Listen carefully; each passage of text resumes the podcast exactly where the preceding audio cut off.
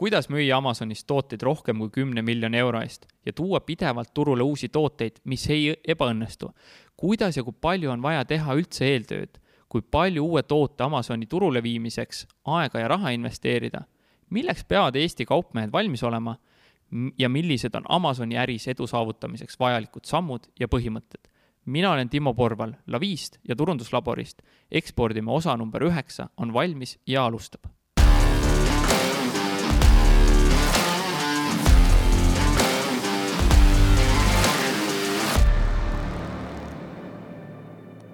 enne veel, kui läheme saate juurde, siis tule kindlasti meie Facebooki gruppi Ekspordime ja samamoodi kõik saated on Youtube'ist vaadatavad, otsi üles Ekspordime kanal, vajuta subscribe ja oled alati kursis, kui uus osa ilmub täna on külas mees, kes on Eestis üks edukamaid Amazoni müüjaid ja Eesti Amazoni müüjate kogukonna üks eestvedajatest.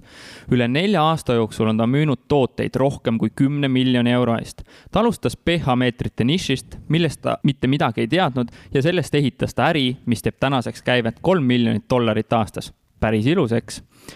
Samuti on ta Amazoni teenuste agentuuri Digital Merchant asutaja, mis aitab Eesti ettevõtetel läbi Amazoni välisturgudele laieneda. ta on konsulteerinud üle seitsmekümne ettevõtte ja edukalt turule viinud rohkem kui sada toodet.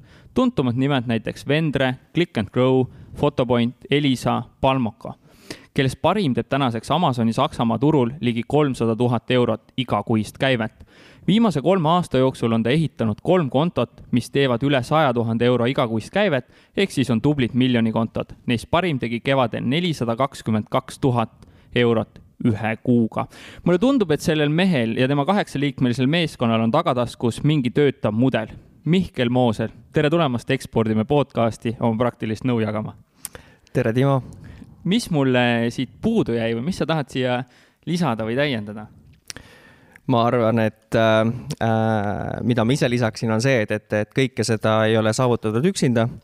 et selle taga on meeskond, et mul on hea ja tore käia siin rääkimas, et näed, et ei, oleme ehitanud nii palju selliseid kontosid ja teistsuguseid kontosid, aga tegelikult seal taga on tiim äh,, kaheksaliikmeline tiim, et äh, kõige suurem tänu on neile ja siis meie mm. -hmm kuule, aga hakkame siit eh, otsast minema, nii palju, kui ma ise natuke Amazoni äridest tean, siis see eeltöö tegemine on kogu selle asja vist võti, et üldse, mida sinna siis turule hakata viima või mida mitte viima. ütle, mis on sinu selline eeltöö tegemise protsess või teil siis nagu meeskonnas? okei okay,, et äh, eeltöö tegemine, ma olen nõus, et see on äh, on, on kahte moodi ärid, on ju, et on äh, private label Amazoni äri, ehk siis see on see, kui Äh, sa võtad ise äh, oma toote, võtad Hiinast ja siis paned oma brändi nime peale ja müüd näiteks USA-s, Kanadas, kus iganes mujal maha. ja siis teine versioon on äh, see, kui sa teed, et sa oled Eesti ettevõte ja siis hakkad turule minema, et need on kahte tüüpi eeltööd. et selle esimesel puhul ma arvan, et tõesti see eeltöö on üheksakümmend viis protsenti sinu edust. et kui sa toote valikuga juba puusse paned, siis vahet ei ole, kui head turundust sa teed noh, see on kõik äh, ülesmäge võitlus ja natuke sarnaselt äh, klientidega. et kui sa oled Eesti ettevõte ja tahad minna Amazoni turule, äh, siis kui sa ei tee korralikku turu-uuringut, siis sul võib ju lihtsalt olla nii, et, sa paned sinna sisse viiekohalise numbri raha ja siis aasta aega tööd ja lõpuks mitte midagi ei näe. et aga kuidas siis välja näeb, et äkki siis alustab sellest klientide poolest? just. et okei okay., et äh, sa tahad vaadata mingit paari kindlat asja, et äh, Amazoni puhul üks hästi vinge äh, külg on see, et Amazon on üks mõõdetavamaid platvorme üldse. ehk siis äh, tähendab seda, et sa saad näha oma konkurentide käibeid äh,, sa saad äh, arvutada välja nende tulud enam-vähem, marginaalid äh, ja panna selle pildi kokku, enne kui sa üldse turule lähed, ehk sa saad teha nagu matemaatilise otsuse, et kas on mõtet sinna turule minna või mitte. ehk siis sa vaatad esimesena, sa vaatad nõudlust Äh, sul ei ole ju mõtet minna müüma midagi, mida inimesed ei otsi. et Amazon on eelkõige otsingumootor, mitte e-pood. ehk siis tähendab, et kui inimesed kirjutavad selle sõna sisse, siis on sul ka turg. kui nad seda sisse ei kirjuta, siis seda turgu ei ole. Ähm, et siis äh, sa vaatad seda, et oleks see käive olemas, äh, siis järgmine samm on see, et sa vaatad oma konkurente, ehk siis sa vaatad, kui palju neil on review sid olemas, ehk siis tootearvustused Ähm, kui neid on palju, siis on see raskem, kui neid on vähe, siis on lihtsam minna turule, sellepärast et kõige suurem pudelikael Amazoni äris üldse ongi review'de saamine. see, on nii aegavõttev protsess, kui sa teed seda äh,, see termin inglise keeles on white hat ehk siis puhtalt, et sa ei, et sa ei peta. et äh, siis see läheb päris, päris kaua aega. Siis sa vaatad klient äh, konkurentide turundustugevust üldse, et et sa vaatad, okei okay,, et kas nad oskavad teha Amazoni seo-d, kas nad oskavad teha copywriting ut, kui head nende pildid on, kui hästi nad reklaame teevad. ja siis selle pealt sa paned sellise esmase pilgu, pildi kokku, et okei okay,, et, et kas see turg on üldse huvitav, kuhu minna või mitte.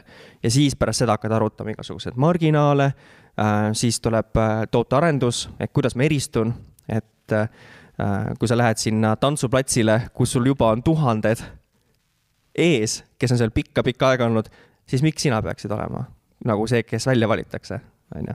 ja siis noh, sealt niiviisi samm-sammult edasi, et siis, siis noh, see äh, eeltöö on, on, on päris suur oskad sa öelda kuulajatele-vaatajatele mingid tööriistad selle turu analüüsimiseks, kus ma neid käibeid siis nüüd näen ja vaatan ja arvutada saan?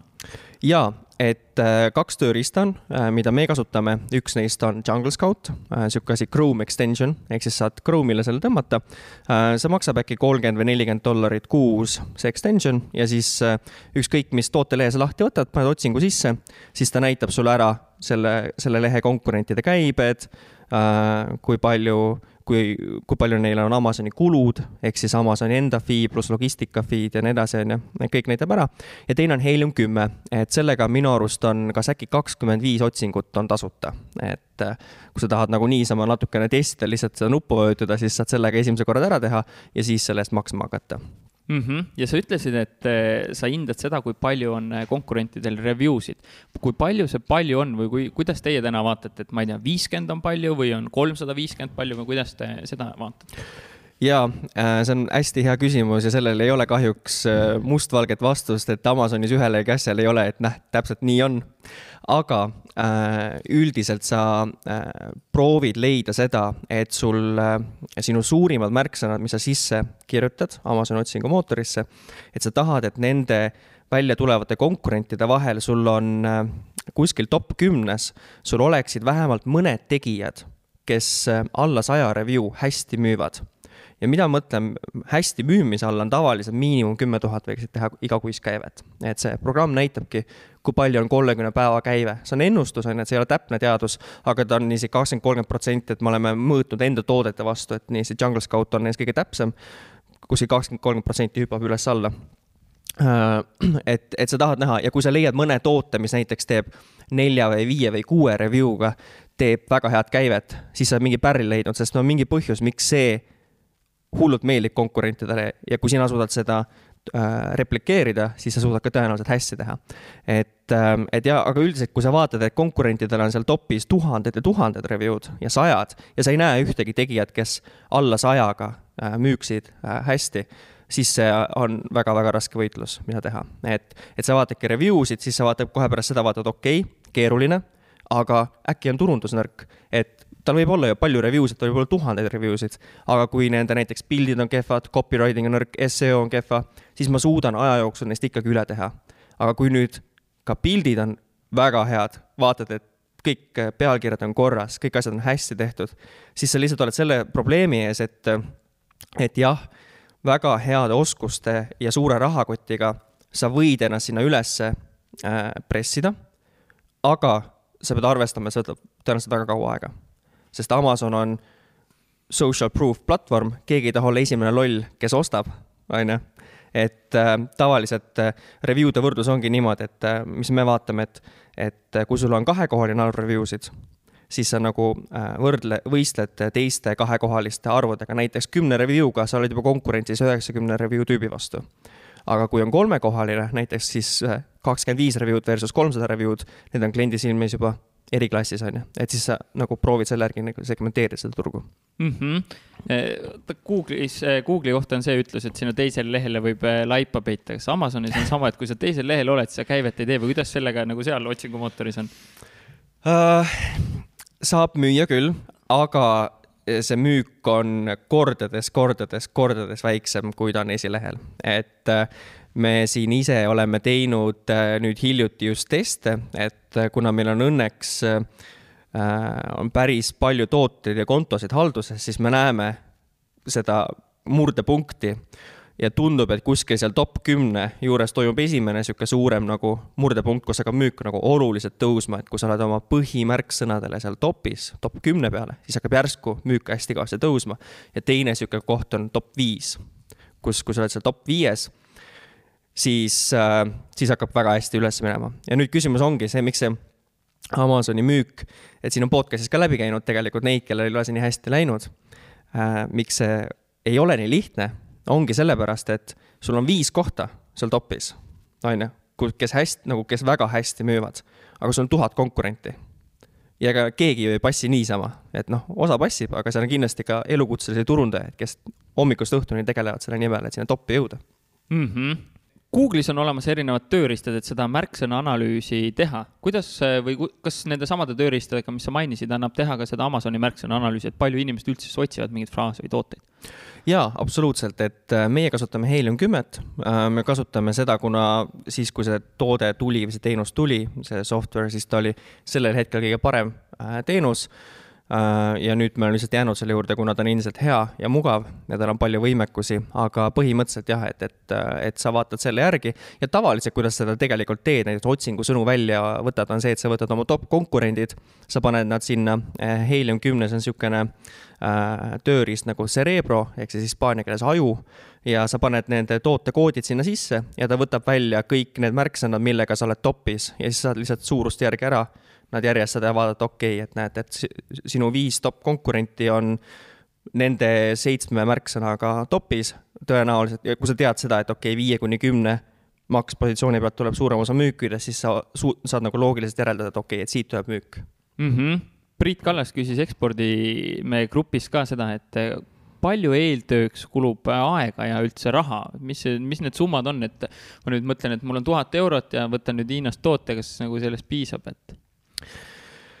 Oo oh jaa eh,, need ajad on möödas, et eh, mulle hullult meeldis eh, Peep Laja osa, kui ta siinsamas eh, podcast'is käis ja ta ütles ühe lause, mis mulle jäi väga hästi meelde ja see kõlas umbes niimoodi, et kõik lihtsad asjad on tehtud, jäänud on ainult raske töö ja see raske töö on selline süstemaatiline, järjepidev tegutsemine, ehk siis ajaliselt, et kui me teeme näiteks kliendile turu-uuringut ühele tootele, siis see on vahemikus äh, kaheksa kuni viisteist tundi. Toggle'iga mõõdetud aega, siis me vaatame igat erinevat nurka, et okei okay,, et, et võib-olla siin nagu esimese märksõnaga nagu seda võimalust ei ole, kuidas turule tulla, aga võib-olla mingisugune nagu nurk, kuidas ikkagi saaks nagu eristuda ja esile tulla.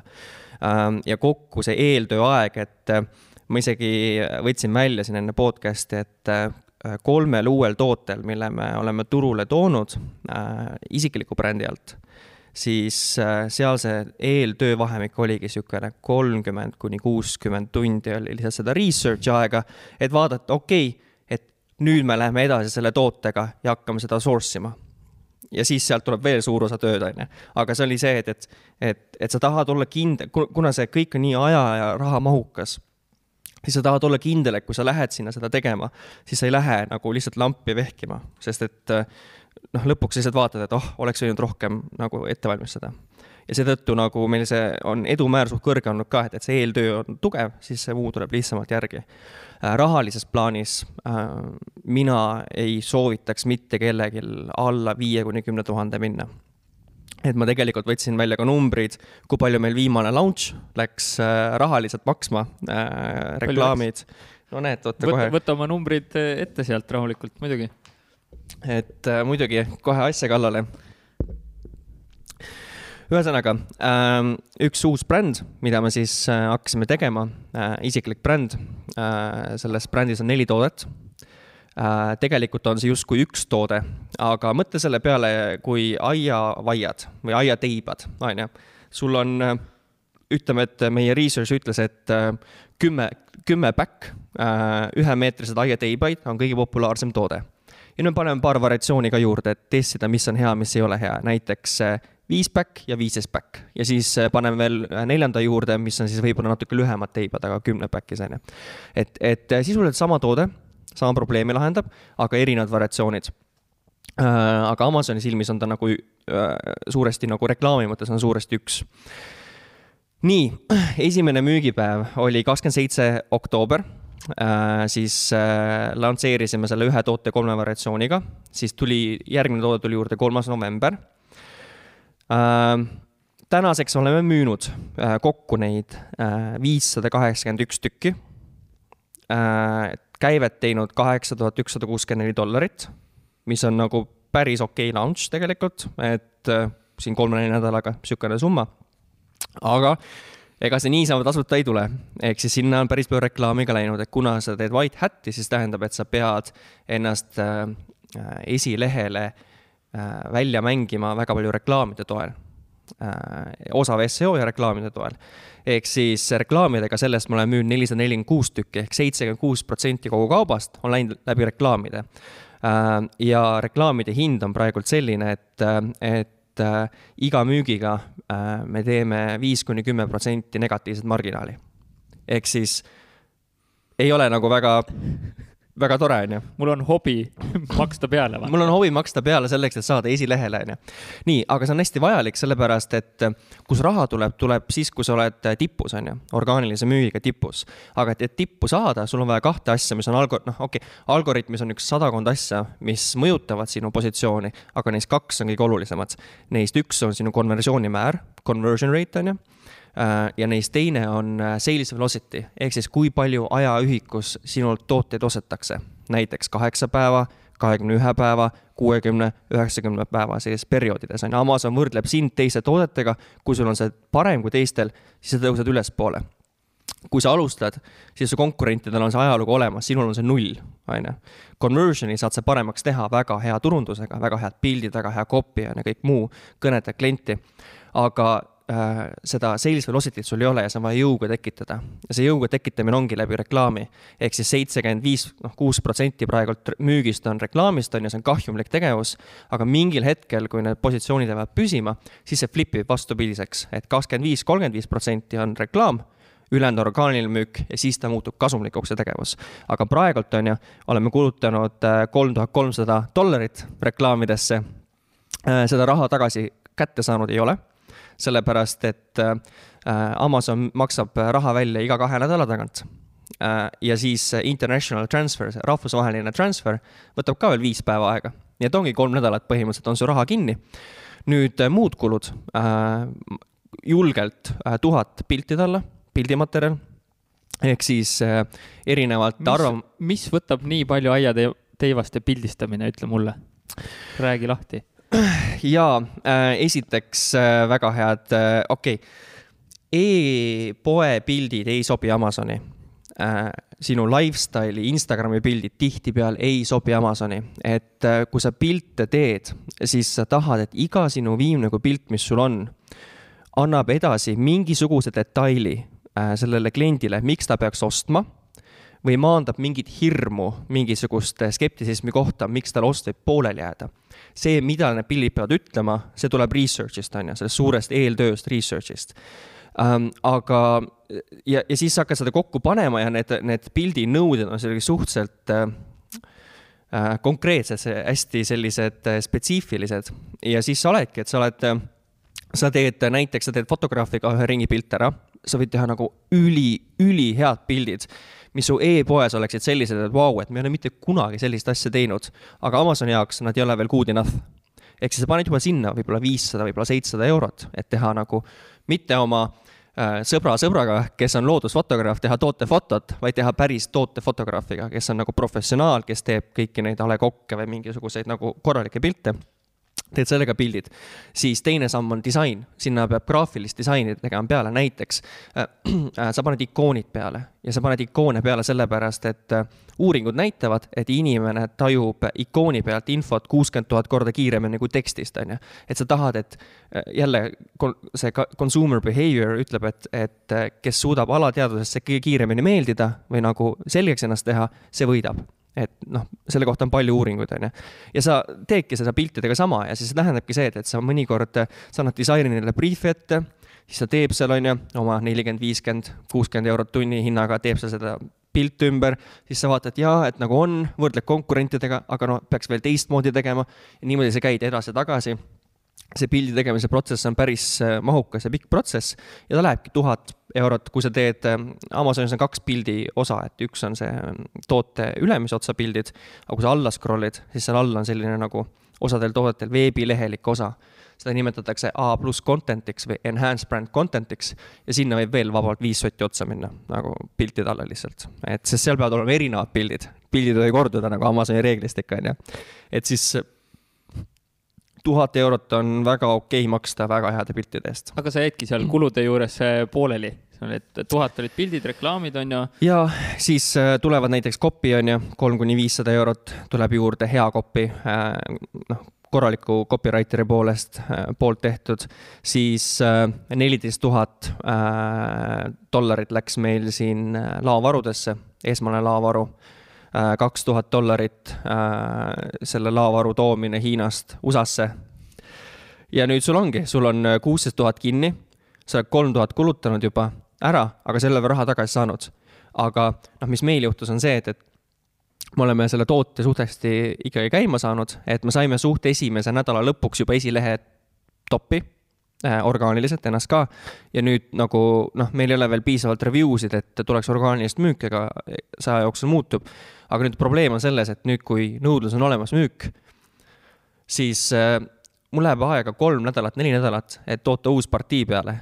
see tähendab, ma pean täna panema järgmise kuueteist tonnise tellimuse sisse selleks, et ma oleksin kuu aja pärast kaubaküljes olemas. nii et selle tuhande euriga tõesti ei ole väga nagu midagi peale hakata, on ju? ei ole, ähm, see on nagu aastaid tagasi sai. Äh, kui sul väga-väga veab, saab ka aga üldiselt tuhande euroga ma ei kujuta ette, kuidas seda teha nagu. siit hargneb igane ports küsimusi, nii põnev maailm. küsin korra selle ära, kus sa seda copy't ostad, võtad sa kuskilt Upworksist, Freelancer.com'ist, Native Speakerid Eestist, kus sa võtad? jaa, et äh, meil on äh, Kanada copywriter Äh, ja me leidsime ta Upworkist. Äh, ja me õpetasime talle ise selgeks, kuidas kirjutada Amazoni copy't. ta oli väga hea copy'ga, et me tegime sellise nagu testtööde ringi, meil oli palju copywriter eid, maksime kõigile raha, tunnitasu, et siis me tahtsime leida parimat copywriter'it.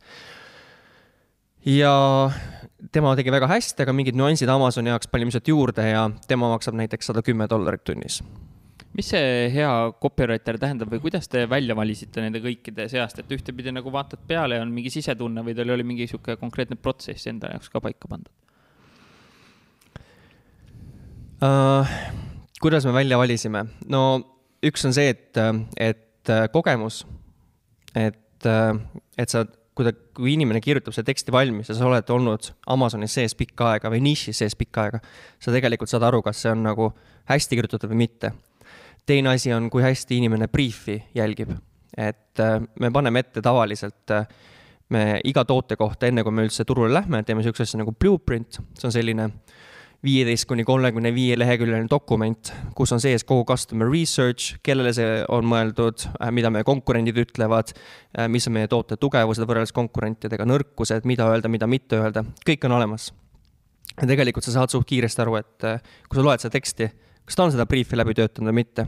kas ta on nagu süvenenud sellesse, kes see klient tegelikult on, mitte nagu see esmane kiht, et oh, et ma tean, kuidas müüa seda tassi, vaid nagu väga-väga sügavale sisse. et äh, ja kui sa näed, et, et see copywriter teeb seda, et ta tegelikult ka on seal pannud copy'sse, mitte ta ei ole kopeerinud konkurente Amazonist maha, mida on ülilihtne teha, mida teeb enamus copywriter eid, need odavaid, äh, või suur osa vähemalt vaid, vaid ta on reaalselt süvenenud, kaasa mõelnud ja, ja pannud selle asja kokku niimoodi, et kui sa loed seda, siis sa vaatad, vau, praegult seda klienti kõnetatakse nii loogiliselt kui emotsionaalselt. ja see ongi see nagu koht, kus tegelikult tuleb äh, jälle conversion'isse väga palju juurde. kas see, kui te copywriterit otsite, kas te otsite, et on valdkonna spetsiifiline või sellesama Bluebeardi alusel tegelikult saab ükstaskõik mis copywriter selle tööga, noh, kui ta on hea ja süveneb hakkama? Ja ma arvan, et äh, kui su äh, briif on hea, siis enamus copywriterid saab hakkama. et äh, meil oli enne seda oli üks teine copywriter, aga tema lihtsalt ütles, et ta enam ei viitsi copywriting ut teha, et ta hakkab nüüd oma mingeid muid asju tegema, mingeid muid projekte ja siis, siis me leidsime lihtsalt selle uue, uue copywriteri, aga tema, see eelnev copywriter tegi hoopis muid asju, ta ei olnud üldse kuidagi Amazoni toodetega seotud sa enne rääkisid ka sellest märksõnade mahu analüüsist. kus maalt see nagu on, et noh, ma ei tea, sada otsingut, tuhat, kümme tuhat kuus, et oh, see tundub nagu nišš, mida võiks üldse uurima hakata mm. -hmm. ja äh, ma toon näiteks selle Helium kümne, et Helium kümnega on hea sellepärast, et kui sa teed seal neid tasuta otsinguid äh,, siis ta näitab seal üleval sulle selle keyword otsingu mahu ka kohe ära, et Jungle Scout seda ei näita siis äh, ma tahan näha seda, et äh, mul tuleks peamiste otsingufraasidega kokku kuskil tuhat viissada otsingut kuus. kui see on olemas, siis on väga hea, kui see on alla selle oluliselt, siis ma ei, pigem ei puudu seda toodet, et äh, lihtsalt nõudlust ei ole piisavalt. see on väga hea sa enne mainisid seda ka, et, et siis teete eeltöö ära ja siis hakkate source ima, mis see tähendab? mis see source imine tähendab, mis, mis protsess sealt nagu läheb?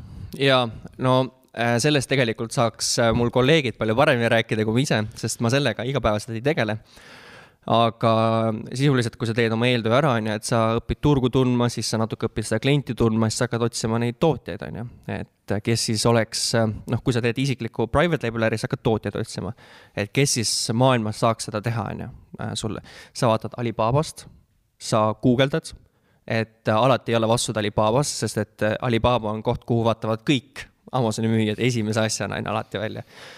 Äh, meile, me vaatame tihti näiteks, äh, paneme selle äh, toote nime sisse Google'isse, siis paned järgi private label ja siis paned riik USA või Europe või Germany. Ja sa leiad tegelikult niimoodi guugeldades neid tootjaid ka läänemaailmast, et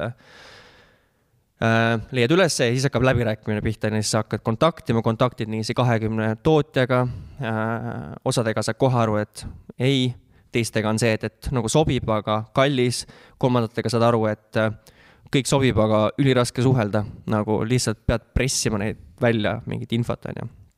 Äh, ja mis äh, mulle tundub, et on niisugune nagu üleüldine, on see, et, et mitte ükski tootja ei taha sulle teha kohe sinu lahendust et millest ma saan ka aru, et kui sul tuleb nagu, kui sa oled mingi mitme miljoni või mitmesaja miljoni äh, dollari tootja, sul tuleb mingi suvaline tüüp äh, ukse sisse koputab, ütleb, kuule, tehke mulle nüüd seda teise kujuga. noh, milleks, on ju, et ähm, aga kui sa piisavalt järjepidev oled ja näitad, näed, et me tegelikult müüme väga palju ka muid tooteid, me oleme kogenud, me teame, mida me teeme, prognoos on selline sa näitad oma ekspertiisi üles ka sellega, kui sa oled oma eeltöö teinud, siis sa oskad väga hästi rääkida tootjaga niimoodi, et see materjal ei sobi, see ei sobi, see ei meeldi klientidele. siis tekib see usaldus ja ühel hetkel niiviisi mõne kuu jooksul tekib see, et ah okei okay,, no tehke siis ära see erilahendus ja siis nagu sealt läheb edasi ma lihtsalt kuulan su juttu kogu, kui palju on eeltööd, kui palju on täna neid eh, tegelikult kaupmehi Amazonis, kui palju Amazon annab infot tegelikult analüüsiks välja, et ma saan aru, et see nagu eristumine muutub tegelikult järjest eh, keerulisemaks, et ei ole nii, et ma nüüd Hiinast panen selle punase lipsu peale sellele karbile, nüüd mul see eristumine olemas, et kuidas te ise sellele nagu eristumisele lähete, et kuidas needsamad näiteks, noh, selle aiateivaste näite, kui me saame võtta, et kuidas te seal seda eristumise peale üldse nagu mõtlesite võrreldes konkurentidega? Jaa, et äh, eristumine on Amazonis A ja O, on ju, et esiteks sul peab olema toode, mis on väga hea ja teine peab ta sinna paistma, on ju. Äh, ja seda ei ole lihtne teha, sest et äh, konkurents on mitme, nagu pakkumine on kordades suurem kui nõudlus. aga kus sa alustad, on review'd, see on kõige esimene koht, on ju, et me töötame läbi umbes tuhatkond review'd, võtame ette nii siis seitse-kaheksa konkurenti, nende peale kokku kuskil tuhat review'd siis me loome eraldi tabeli, kus me siis, Exceli tabelit, kus me siis nagu kategoriseerime ära probleemid ja asjad, mis on hästi. ja me proovime nagu näha, et okei okay,, näed, et mis on nagu probleemid, mida me saaksime muuta. ja proovime neid muuta. E, näiteks äh, üks mööblitootja, kellega me müüme siit Eestist, äh, viime kaupa Saksamaale, teeme lastemööblit, või noh, nemad teevad. ja siis äh, selle research'i käigus tuli välja see, et, et paljudele ei meeldi see, et noh, kaks asja, esiteks paljudele ei meeldi, et on chemical'i hais, sest et kui toode on pakendis mitmeid päevi, on ju, kohe peale kokkupanek, noh, asjade kokkupanekut pannakse pakendi, kiled ümber, on ju, ema võtab lahti või isa paneb voodi või selle mööbliasja kokku, on ju, ja viis päeva haiseb, on ju, mhm. keegi ei taha seda oma lapsele, aga see on asi, mille peale sa ei oska mõelda. siis meil oli mõte, et okei okay,, kas me saaksime teha mingit moodi, mis ei haise siis tootja oli jah, et noh, saaksime küll, aga see läheb kallimaks. noh, kui palju kallimaks? no viis protsenti, kümme prossa, veebaasid, värvid. Davai, teeme kohe ära. ja nüüd ongi, tegime selle ära, selle muudatuse. ja äh,, nüüd me saame öelda esimese asjana esimesel pildil või noh, teisel pildil siis ja esimese bulletina tekstis no chemical smell. ehk sa annad selle info ette kohe oma konkurentide vastu, et erinevalt enamus vooditest Amazoni turul, meie voodi ei haise, kui sa selle kokku paned, sellepärast et meil on sihuke värv, sihuke lahendus. teine asi, mis sealt välja tuli, oli see, et, et äh, raske on kokku panna. näiteks oled sa IKEA mööblit kokku pannud? Õnneks ei ole jaa, et äh, ülitüütu, saab kokku küll, aga need juhised on nii vastikud ja mis me tegime, oli see, et, et me panime lihtsalt iga tootega kaasa sellise äh, toote inserdi lehe, kus peal on siis URL äh, ja äh, QR kood, mis viib kodulehe eraldi alamlehele ja seal on kokkupaneku video kiirendusega koos tekstidega. näe, pane kruvid siia, pane need niimoodi kokku, nelja minuti video, ülilihtne kokku panna. ja mis tänane reaalsus on see, et sellel turul me oleme täpselt sama tootega kui meie konkurendid tegelikult. okei okay,, kui see värv välja arvata, on ju, aga puit, materjal, kõik, kõik on sama. kuju on isegi toodetel sama. aga me müüme kakskümmend, kolmkümmend prossa kallimalt ja me müüme rohkem, sest me oleme ainus viie tärni toode, kõik teised on nelja, nelja poole tärni tooted. ehk siis see on see, kuidas sa lood seda eristumist nagu mm. -hmm ma korra küsin selle QR-koodide kasutamise kohta, neid vist eh, annab track ida, et kui palju neid siis päriselt skännitakse ja palju sinna kokkupaneku videoteni jõutakse reaalselt? jaa, neid saab track ida. Äh, mina selle infoga kahjuks kursis ei ole mm, -hmm. et ma ei tea, aga äh, mõni meeskonnaliige võib-olla meile oskaks selle vastuse anda korra küsin selle eeltöö kohta ka, nad ütlesid, vaata, et sa, et te loete neid review sid, kas te teete ka kliendi mingeid intervjuusid, kes sinna sihtgruppi võiks kuuluda või, või on see ainult piirdub selle nii-öelda review de lugemisega? Äh, see sõltub tootest hästi palju, et äh, lihtsama toote puhul sul ei ole seda vaja teha, on ju, kui sa saad sellest tootest aru, loed review'd läbi ja saad sellest aru. Äh, aga mõne toote puhul me oleme küll teinud niiviisi klientide puhul just, et mul tuleb meelde üks just sihuke kosmeetikatoode, et sellega oligi reaalselt, et ma andsin paarile sõbrannale kasutada, siis ma helistasin ühele tootespetsialistile, kes on selle, seda eluaeg peaaegu teinud seda mingi kakskümmend aastat küsin temalt hästi palju küsimusi, äh, siis vaatad Youtube'i videosid ja sul tekib lõpuks mingisugune arusaam või pilt sellest, on ju, et äh, mis on selle toote head ja vead ja mis klientide korda läheb, mis ei lähe. ja nüüd sul tekib mingisugune arusaamine, okei okay,, mida sa lubad, mida sa ei luba. et ausus on ka hästi oluline Amazoni listingus, et, et sa ei, et sa ei müü üle. et näiteks selle kosmeetikatootega oligi niimoodi, et jälle toode kolmkümmend prossa kallim kui teistel, täpselt samast tehasest tuleb see source materjal Äh, aga meie müüme rohkem kui konkurendid.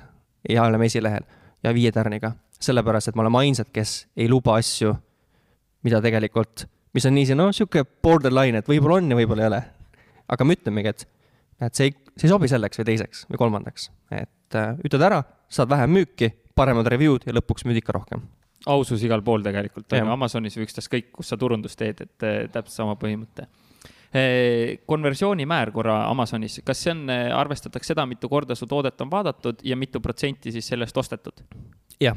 ja palju see sihuke hea konversioonimäär on, et noh, kui siin ütleme e-poodides on sihuke, et noh, kaks prossa umbes on külastaja, kes tuleb lehele, teeb ostu, palju Amazoni selle tootelehe konversioonimäär peaks olema? Amazoni keskmine on umbes kümme protsenti nii et see on Amazoni keskmine, seal sees on kõik need, kes oskavad ja, ja ei oska mitte midagi teha. et äh, see on äh, alla seitse protsendi, siis, siis on midagi kardinaalset viga äh, tootelehel, kas siis review'd on paigast, hind on täiesti paigast, turundusega midagi täiesti metsa tehtud, alla seitse prossa. siis tuleb kõik ümber teha nullist otsast peale, siis ei olegi midagi hea määr loetakse alates viieteistkümnest, kahekümnest protsendist.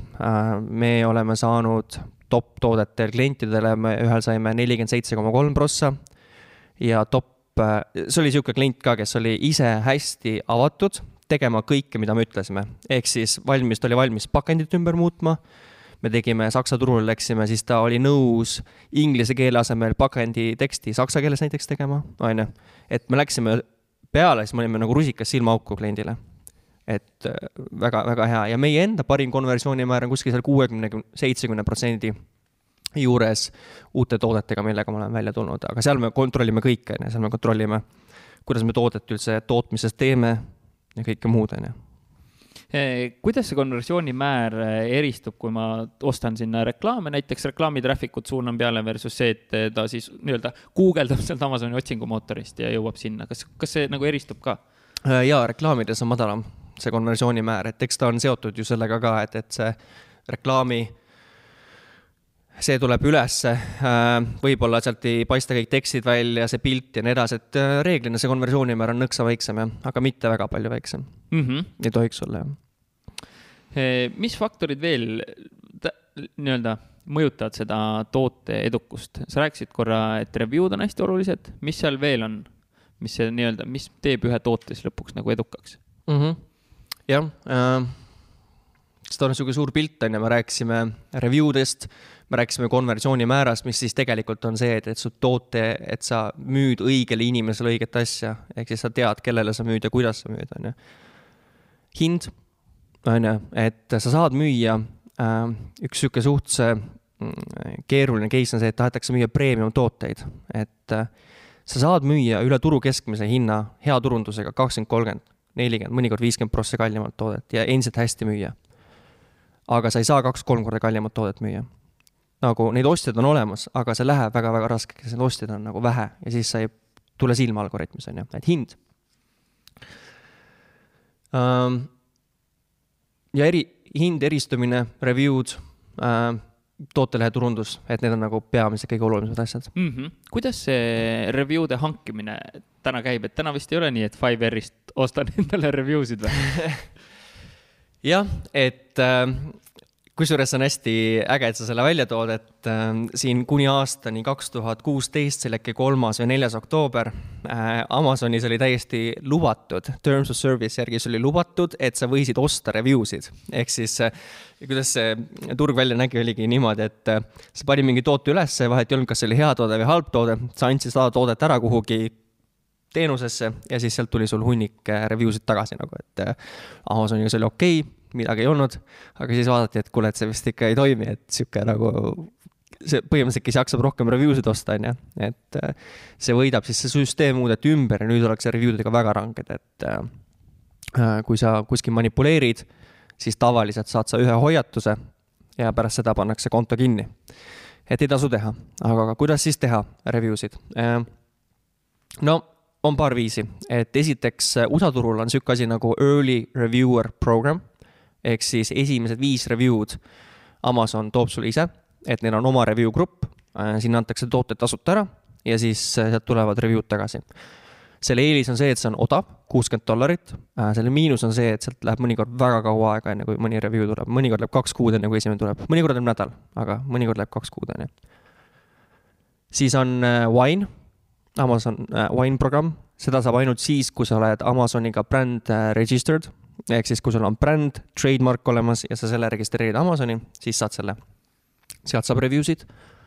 ja siis äh, ongi, et äh, tegelikult toode peab ise olema niivõrd palju parem, et kui sa hakkad neid tooteid äh, nüüd promoma nulli review'ga, on ju, lähed launch'id, siis et see toode peab olema niivõrd hea, et, et ja, ja rahuldama seda klienti, et see esimene review tuleks hea review ja siis hakkaks nagu asi jooksma. et tegelikult on hästi palju selle peale üles ehitatud aga kui sa nüüd tahad boost ida ise ka veel natukene, siis see, kes nagu natuke black hat'i võib ka teha, et äh, siis ongi, et siis sa leiad mõned äh, sõprade sõbrad, kes ostaksid su toote näiteks USA-s, Saksamaal, UK-s.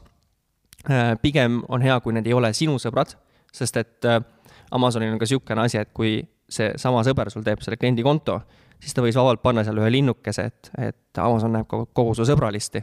see ei ole hea on ju, et sa, kuna sa ei tea, kas ta tegi seda või mitte, siis pigem on sõbra-sõbrad head, kellelt võtta, et. Ähm, et kui mina hakkan neid voodeid siit Eestist ostma, sulle viite tärni andma, siis tegelikult Amazon saab sellest aru, jah? ja eh, enamjaolt, äh, kuidas review nii-öelda manipulatsioonist aru saadakse, on niisugune asi nagu behavioral äh,, behavioral monitoring ehk siis kas, äh, kas see tooteleht on väga palju normi standarditest väljas, ehk siis kuidas tavaline ostja ostab, kirjutab otsingusõna sisse vaatab viite-kümmet toodet, loeb, scroll ib, siis va-, paneb add to cart, võib-olla mõtleb mõne päeva ja siis ostab, on ju. mida kallim toode, seda rohkem tõenäolisem nii on. aga nüüd, kui sinu sõber tuleb, davai äh,, ma lähen lingiga, otse lingiga sellele tootelehele, kümne sekiga panen ostan, siis on ilmselgelt see kohe nagu vahele, et sa pead seda nagu mängimagi, et okei okay,, sa lähed Amazoni või noh, su sõbra sõber läheb Amazoni, kirjutab keyword'i pluss su toote brändi sisse, otsib ülesse, avab konkurentide tootelehti, vaatab sinu lehte, scroll ib veidi üles-alla võib-olla, paneb add to cart, natuke ootab, ostab, siis kui toote kätte saab, ei lähe kohe järgmine päev review ma, on ju, ootab kaks-kolm nädalat, nii nagu tavaline kliendi behavior on, on ju, siis saab teha niimoodi ka. sinu süsteemsust kuulates ja teades, kas sul on eh, nende sõprade, sõprade review'de hankimiseks tehtud ka juhis neile, et kuidas tegelikult tuleb siis käituda ja osta, et kuidas neid hankida? jah väga lahe eh, sa rääkisid ka korra lansseerimisest, mis see, kuidas see protsess teil nüüd käib, et noh, eeltöö on tehtud, tooted on laos, eh, ostategi reklaami peale ja see ongi siis Amazonis nii-öelda launch imine või see kuidagi tähendab mingeid tegevusi sinna juurde? laias laastus jah, et äh, launch imist saab teha kolme moodi ähm,. vähemalt kolm efektiivset meetodit, kuidas me teame, kuidas seda teha. meetod üks, kuidas me klientidega seda väga palju teeme, on see, et äh, me teeme nii head tootelehed, kui seda on üldse võimalik teha, et nende konversioonimäär oleks kohe hästi kõrge. sest et äh, reeglina ei ole klientidel äh, valmisolekut või soovi kulutada väga suurt reklaamiraha, enne kui üldse mingit tulemust näeb, ehku peale minna. ehk siis see, sul peab olema see nii hästi valmistatud kui võimalik, et see konversioon on hästi kõrge, siis me toome sinna mõned review alla, et me ei panegi reklaame käima, enne kui seal on üks-kaks positiivset review'd all ei ole mõtet lihtsalt, sest keegi ei osta või noh, väga vähesed ostavad, on ju. ja siis paned reklaamid käima ja kui su äh, toote, toode eristub ja ta ei ole liiga tihedas konkurentsis, siis üheksal juhul kümnest lendab minema nagu väga kiiresti läheb ära ja see on väga niisugune odav viis, kuidas lansseerida, nagu rahaliselt odav viis, kuidas launch ida versioon kaks, mida me nüüd selle uue brändiga, mis ma siin ette lugesin, mida me teeme, on see, et, et äh, esimesest päevast, kohe kui toode läheb laivi, reklaamid peale, sa sihid hästi täpselt ainult ülirelevantseid märksõnu, ehk siis sa validki välja seal ütleme, top äh, kümme kuni kakskümmend kõige, kõige, kõige relevantsemat märksõna, et kui klient selle sõna sisse kirjutab, siis ei ole võimalik, et ta midagi oma peas, midagi muud üldse mõtleks. ja väga hea tooteleht, paned need käima ja siis hakkad jälgima iga päev neid tulemusi ja korrigeerima siis kas suuremaks, väiksemaks äh,. Quality score on niisugune asi, on ju, mis on Amazonis täitsa olemas äh,, seda ei näidata, aga loogiliselt vaadates sa näed, et see on olemas, ehk siis sa mängidki selle peale, et su kui su relevantsus on hästi kõrge, siis su quality score on kõrge ja siis Amazon tõstab sind kohe nagu ranking us igal pool mujal üles, on ju. ja hakkavad müügid tulema, tulevad esimesed orgaanilised review'd ja läheb käima. et seesama, see brändi näide, et seal esimene five star tuli viiendal päeval äkki, kuuendal päeval ja kohe müük plahvatas, on ju. suvel launch isime ühe tooteseeria, suvise tooteseeria nagu hooaja tipus äh,, siis äh, samal nagu sarnasel meetodil nulli review'ga müüsime sihuke kümme, kakskümmend tükki päevas. ja kui äh, tulid review'd peale, esimesed kaks five star tulid peale, siis äh, läks sada tükki päevas toodet, on ju. see on versioon kaks. ja versioon kolm on see, et sa kasutad muid kanaleid nagu chatbot'id, on ju, äh, giveaway'd, ehk siis mida sa teed, on sisuliselt see, et sa trikitad Amazoni algoritmi ehk siis, kuidas see chatbot toimib, on, on see, et sa ühest otsast sa annad selle nagu tasuta toote ära mingisugusele grupile, aga sa ehitad selle niimoodi ülesse, et ta nagu ostab, et Amazoni silmis see klient teeb justkui nagu orgaanilise ostu teatud keyword'ide peale ja nüüd Amazon vaatab, et oi, näed, eile oli null, täna on sellel tüübil järsku nende keyword'ide peale olnud kakskümmend müüki. järgmine päev jälle kakskümmend, jälle kakskümmend, jälle kakskümmend nüüd Amazon võrdleb seda su konkurentidega, on ju. ja konversiooni võrdleb ka ja siis hakkab sind tõstma kogu aeg ülespoole. aga see süsteem on suhteliselt keeruline, äh, ta on ohtlik ja tal ei ole alati tulemusi. nii et ongi nagu kalliduse järjekorras kolm asja, kuidas saab launch ida. kas see, kui oluline see launch selles mõttes on, et või on niimoodi, et ma võin, panen oma toote sinna nagu ülesse praegu esimese hooga midagi ei tee, hakkan ootama ja kas see on Amazoni jaoks siis tegelikult märk näiteks, et see on kolmkümmend päeva üleval olnud ja keegi pole tegelikult ostnud?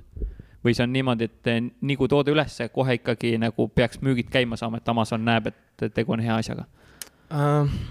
jah, et uh, sa ütlesid seda kolmkümmend päeva hästi õigesti, et uh, Amazoni ringkonnas me nimetame seda nii Amazon love'iks, Amazoni armastuseks, et esimesed kolmkümmend päeva antakse tootele sellist nagu soodusperioodit, et ta on algoritmis nagu soositum kui teised tooted. ja seda tuleb ära kasutada aga siin tulebki see koht äh, sisse, et äh, alati sul ei ole nii palju budget'it lihtsalt, millega peale lennata, et noh, panna neli või viis tuhat sisse ja reklaamidesse ja siis, et hakkab minema. kui saad seda teha, loomulikult on hea esimesest päevast. kui seda teha ei saa, siis sa proovidki esimese kahe nädalaga saada üks-kaks review'd ja siis paned reklaamid käima ja kasutad seda ülejäänud kahte nädalat, seda head perioodit, et saada toppi. ja kui sa jääd sinna püsima, siis nagu läheb müük ka käima, on ju aga kolmkümmend päeva on see jah, see, see periood, et kui see kolmekümne päeva jooksul lihtsalt sul seisab toode, ühtegi müüki ei tee äh,, lihtsalt on laivis, et Amazonis saab valida, et kas ta on laivis, active või sa paned closed ka selle listingu. et kui see midagi ei tee, pane vähemalt closed sellele listingule, kui ta lihtsalt laivis active'ina seisab, siis tegelikult Amazon vaatab iga päev null müüki, null müüki, null müüki, null müüki, null müüki ja vaatab su konkurenti kümme, kümme, viisteist ja ta vaatab, et noh, see ei ole konkureeriv, on ju, offer mm. -hmm. et mida teie tiimiga nii-öelda Amazoni müüjatena teete, mida sa teiste puhul ei, nagu ei kohta? mida teised ei tee, mida nad ei viitsi teha mm,? ma arvan, et see tuleb, äh, peamine, ma arvan, sihuke kaks-kolm märksõna ongi äh, põhjalikkus, äh, pühendumine ja süsteemsus, kuidas me seda teeme, et on niisugune raamat nagu Fooled by Randomness. Äh, ma ei ole seda raamatut lugenud, ma olen ainult kokkuvõtted lugenud, ütlen selle ära. aga sellel, selles raamatus on mitu head pointi, et, et tihtipeale need asjad, mis on edukad või edulood, et need ei ole üldse need asjad, mis sa arvad, et on, et vaata, kui sa vaatad ka nagu, et hästi nagu noh, me, me ihaleme selliste edulugude või ägedate success story'de järgi, on ju. ja kui kellelgi kuskil on, on ju, siis paneme ta kohe pukki ja ta räägib kõigile, kuidas ma ehitasin, tegin, nüüd ma tegin nii, nüüd ma tegin nii, nüüd ma tegin nii, aga need põhjused, miks ta võib-olla edukas oli, hoopis teised. aga ta, see oli randomness, on ju, mis ta viis sinna. siis me proovime seda vältida süsteemsusega, ehk siis äh, niimoodi, et ei oleks ühtegi nüanssi või külge, et kui me läheme turule, et meil ei ole nagu üks-kaks põhjust, miks, miks see võiks edukas olla ja kaheksa põhjust, miks võib läbi kukkuda. Vaid et meil ei oleks enam nagu loogiliselt ühtegi külge, miks see toode ei võiks õnnestuda. Ehk siis hästi läbimõeldult, on ju, et teed seda. noh, ja põhjalikkus on ju, et meil ühe toote launch on niisugune sada kuni kakssada tundi äh, tööd. Sa liigud ju Amazoni mitte ainult noh, Eesti, Eesti kogu kommuuni ja kogukonda sa vead, aga sa liigud kindlasti ka nagu kogu nii-öelda globaalses Amazoni müüjate kogukonnas, et kuidas te seal sellist äh, eristute igast teisest eh, USA või Hiina sellisest Amazoni kauplejast ja müüjast, et eh, kas, kas seal sa näed ka endasuguseid tiime, endasuguseid mehi, kes nii süsteemselt lähenevad? vastus on, et jah, on äh,. on mõni, keda ma tean ja on ilmselt väga palju, keda ma ei tea. aga noh, jällegi jõuame sellesama juurde, mis siin alguses sai räägitud, et, et lihtsad võidud on läinud on jäänud süsteemne raske töö, ehk siis järjepidev, pidev tegemine. ja seda minu kogemusel ei ole valmis väga paljud tegema, ehk siis äh, ei ole nagu valmis tundide kaupa research'i tegema selleks, et, et saada see väike detail paika nagu õigeks, et äh, see on kindlasti olnud meil väga suur see edu alus, et nii endale kui klientidele tehes, et, äh, et see on nagu jah, et äh, ei, ei ole seda väga näinud, aga isikliku brändiga näiteks äh, mida me oma äris teeme veel teistmoodi, on see, et me valime tooteid selle järgi, mis oleks keerulised tooted. mis see tähendab äh,? see tähendab seda, et äh, enamus turundajad on pigem siuksed creative, loovad inimesed, on ju äh,. suures osas, mitte kõik, aga vähemalt minu kogemusel paljud on, on ju. ja me valime siukseid tooteid, mida enamus turundajaid ei teeks, mis oleks kas nõuaksid mingeid eriteadmisi äh, nõuaksid hästi palju lisahassle'it, näiteks nad on suured oversize tooted, on ju, et üks konto, millega me siin teeme, läksime nullist saja neljakümne tuhandese kuukäibeni siin umbes natuke üle aastaga. kõik on siuksed tooted, mida tuleb Eestist välja saata logistikaga, üli, üliraske, üli peavalurikas, aga kui selle ära teed, siis sa oled selles nagu sinises ookeanis, on ju. meie oma bränd, meil on sihuke scientific suunaga bränd, ehk siis seal on natukene vaja ennast kurssi viia keemia, füüsikateadmistega ja see maailm on tegelikult suht sügav. ja see ongi see, et, et, et suur osa turundajaid teeb seda nagu turundustööd, sa näed, või see tootearendustööd nad ei tee nii hästi, sellepärast see nõuab väga palju pikka süvenemist, et või eriteadmist, et seda tootearendust hästi teha. ja nüüd vastupidi ähm,, teadlased või insenerid äh, on tihti hästi-hästi targad ja teevad nagu maailma parimaid tooteid, aga nad võib-olla ei oska alati kõige paremini seda kommunikeerida ja väljendada. ja sul tekib niisugune nagu sweet spot nende kahe vahel, on ju. et noh, meil on siin Rode need äh, mikrofonid, et äh, ma just rääkisin ühe kliendiga kaks nädalat tagasi äh,, äh käisin külas ja siis ta ütles, et et, äh, et suurim vahe tema arvates ongi see, et, et näiteks Jaapanis tehakse maailma parimaid tooteid, on ju ja äh, aga usakad osad, oskavad hästi müüa. et kui sa võtad mingi nagu siukse asja näiteks nagu see Rodegi onju, siis kuidas usakas müüks seda onju, ongi see, et, et see on ülikrisp äh,, kõige parema kvaliteediga, ma ei tea, käinud läbi mingisugune rokkstaari käest, on ju, tema disainitud, arvamuse põhjal tehtud niisugune esmaklassiline mikrofon. aga kuidas jaapanlane seda müüb, ongi see, et, et ma ei tea, Rode GX kaks viis null seitse kolm seitse on ju, noh, umbes niimoodi. jah, ja see ongi see koht, kus sa üritad seda vahemaad leid-, vahe, vahekohta leida, kuhu sisse minna mm. -hmm. ütle mulle seda, kuidas ma Amazonist e, selle kliendi endale kätte saan, et ta on nüüd ostu teinud, ma tahaks talle järgmise lastevoodi ja aiateibad ka müüa või mingi päkapikku aeda sinna, kuidas ma saan seda? vot ähm,, see on äh, nii-öelda miljoni dollari küsimus, et kuidas seda teha järjepidevalt hästi, et et äh, me oleme teinud katseid äh,, aga aus vastus on see, et ma lõpuni ei tea. et äh, üldlevinud teadmine on see, et, et sa paned tootesse mingi inserdi kaasa, ehk siis annad talle põhjuse liituda näiteks a la stiilis oma sõprade programmiga, on ju, et järgmiselt tootelt saad alla. või äh, saad mingisuguse pikema garantii, on ju, näiteks telimikrofoni nüüd ma saan kolme aasta garantii otsa, kui ma ennast emailiga ära registreerin. või ma saan mingi e-book'i, on ju, et aga need on täpselt niisugused asjad, et need toimivad väga ennustamatult, mõnes nišis toimib täiega, mõnes ei toimi üldse. näiteks meil on üks toode, panime inserdi kaasa, niisugune suht keeruline toode, tehnikavidin äh,. ja panime nagu manuaali nagu made, nagu et see asi made easy nagu, et sest meil on ekspert, kes selle kirjutas, selle juhendi.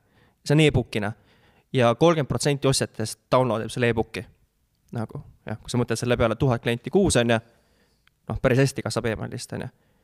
nüüd võtad täpselt sama metoodika, paned teise toote peale, ma ei tea, üks-kaks inimest kuus download ib nagu, et äh, ei ole ühes, ühe, ühest lihtsalt vastust kahjuks ei ole siit kohe mul juba tuleb kaks küsimust. esimene on see, et kas äh, härra Bezos lubab tegelikult seda üldse nagu teha või noh, see on ju nagu justkui tema klientide varastamine, ta tahaks ise kõik Amazoni platvormilt müüa, ta ei taha, et Mihkel hakkab otse müüma pärast tema kõrvalt um,.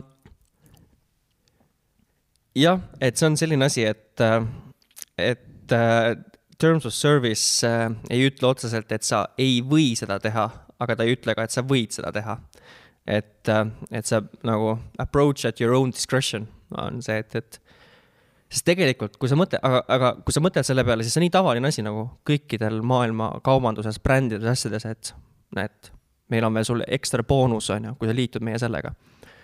et ma arvan, et seda on praegu okei okay teha veel.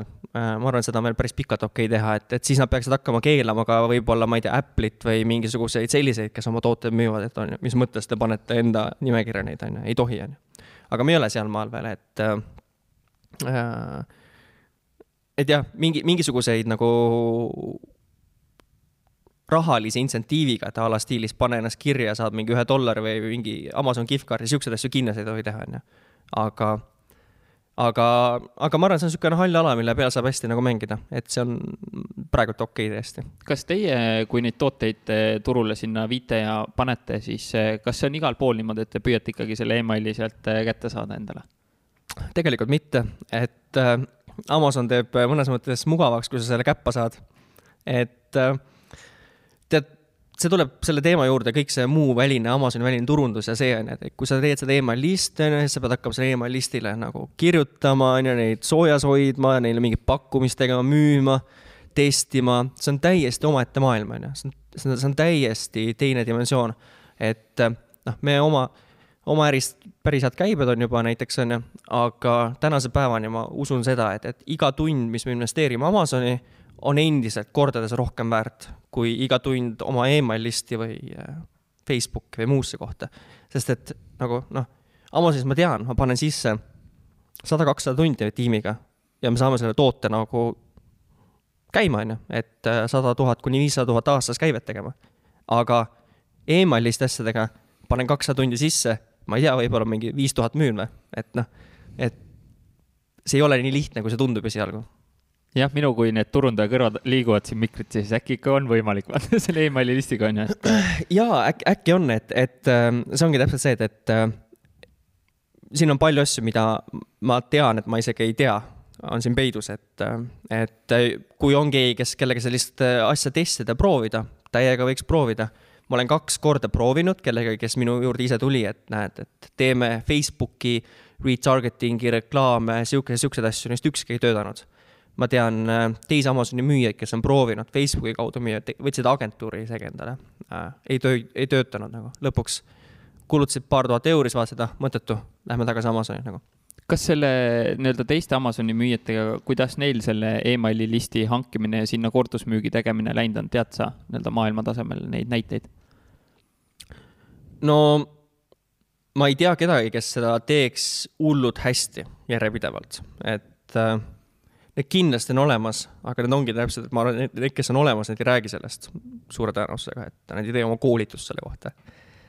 et äh, ma tean, Eestis ka äh, proovitakse, aga see õnnestumise määr ei ole ilmselt veel nii suur, kui, kui ta võiks olla, et äh, et vastus on, et mina ei tea neid, kes teeksid seda nagu väga hästi. ma tean inimesi, kes sellega hakkama saavad, aga kes seda nagu väga hästi teeksid, ma ei tea mm. -hmm kuidas te Amazonis üleüldse neid eh, riske maandate, et see platvorm ja need eh, tingimused on justkui nagu nii karmid ja ma olen noh, siit podcast'i ka läbi käinud, et ärkan hommikul üles ja viiest listingust on neli kinni pandud, kuidas, kuidas teie neid riske nagu maandate? no esimene punkt ongi eeltöö, et äh, Amazon on selline platvorm, et kui sa sinna lähed, eriti kui sa lähed Eesti, sa oled harjunud tegema oma kodulehe peal asju ja sa lähed nüüd Amazoni siis su standard, sinu kvaliteet nagu protseduuris peab nii palju tõusma. sellepärast, et seal ei anta vigu andeks väga. tähendab, et sa pead läbi lugema terms of service eid, sa pead nagu järgima neid terms of service eid, on ju, et, et ei ole niimoodi, et, et noh, üks näide on ju, et ühed sõbrad, kes teevad siin ka paarsada tuhat kuus käivet, äh, eestlased, äh, neil on toode, mida saab kinkida ka, on ju, ja Amazoni reeglites on kirjas, et sul ei tohi olla sõna gift pealkirja sees, on ju, et, et on kingitus, on ju. aga neil oli, pandi kinni tooteleht, on ju, ja ongi äh,, kui see tooteleht on kinni, siis seda on nagu ülitüütu lahti saada, sellepärast et sul on äh, Amazoni sisetiimid, sul on Amazoni välised tiimid, nad omavahel suhelda ei saa väga hästi. Äh,. esimene lain, kellega sa suhtled, on tavaliselt Indiast, on ju, mingisugune selle support, kes võib-olla on esimest päeva tööl, ta ei saa isegi aru nagu, millest sa räägid, on ju ja, ja see ongi suht tavaline, et, et kui siukesed asjad juhtuvad, siis sa panedki kaks-kolm nädalat nagu keegi on sul kogu aeg kas emailis või telefoni otsas, kas sina ise või su tiimiliige, et seda parandada. aga ennet-, kui siuksed, kui sa tead, et siukseid asju juhtub palju, siis tuleb neid ennetada, et ongi, ära tee black hat'i, on ju, esimene asi äh,, kuidas konto puhtana hoida. teine, vii ennast kurssi, mis need reeglid on ja ära tee neid asju. näed, et su konkurendid teevad, hullult tahaks ise ka teha, näed, kõik konkurendid panevad kihvt, kihvt, kihvt, kihvt aga sina ei tee.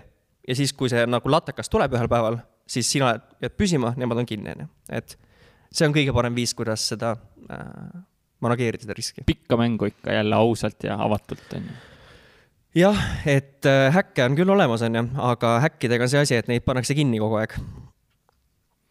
nagu Google'is kui, kui nüüd keegi kuulaja, vaataja mõtleb, et eh, pagan, tundub põnev maailm ja tahaks ise nüüd hakata ikkagi õppima ja Amazoni kaupmeheks ka, mis sa soovitad, kuskohast üldse alustada, nii et see nii-öelda õpikõver võimalikult nagu kiiresti ära teha? ja et äh, kui sa nullist alustad, siis äh, tõenäoliselt kõige mõistlikum on kindlasti koolitus osta, mingisugune, et äh, nüüd tekib jälle küsimus, et okei okay,, milline on siis hea koolitus. Minul tuleb kaks koolitust pähe. üks neist on sellesama Helium kümne koolitus, selle nimi on Freedom Ticket, äkki freedomticket.com, see maksab tuhat daala. seal on kõik asjad kaetud alates toote nagu ettevõtte ülesseadmisest ja rahavoogudest kuni optimeerimise chatbotideni, noh, absoluutselt kõigeni, kõik, kõige kohta on teemad olemas, et hästi põhjalik. ja selle, see, kes seda teeb, ta on ise hästi suur müüja, hästi praktikogenud müüja. Ja teine, mis on natukene kallim, aga mulle tundub, et natukene kaasaegsem, on äh, sihuke mees nagu Brandon Young. tal on sihuke koolitus nagu Seller Systems. see maksab kolm tuhat daala, ehk siis ta on juba kallim äh,. noh, tal on mingi, kui sa email-listis oled, siis tal on ka diile, et saab kahe tuhande viiesaja, kahe tuhandega, on ju. aga mis tema eelis on see, et äh, ta on ise nüüd jõudis kümne miljonini aastakäibeni.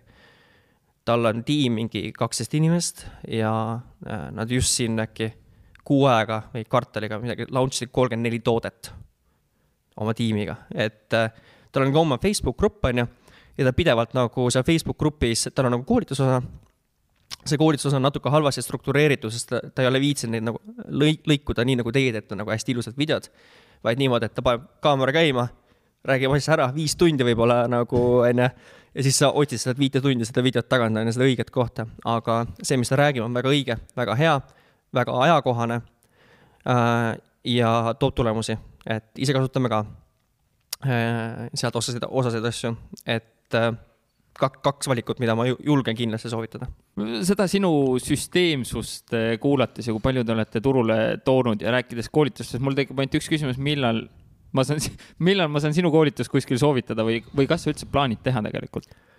Äh, kusjuures ma arvasin, et niisugune küsimus võib tulla äh, ülesse, nii et äh, kuidas öeldakse, public commitment on see, mis on kõige parem äh,. aga ma teeksin, ma võin teha tingimustega public commitment'i, et kui noh, et kuna, kuna alati on palju asju teha, palju ideid on ju, siis ei taha nagu niisama aega panna kuhugi, mis lõpuks midagi ei toimi või ei ole.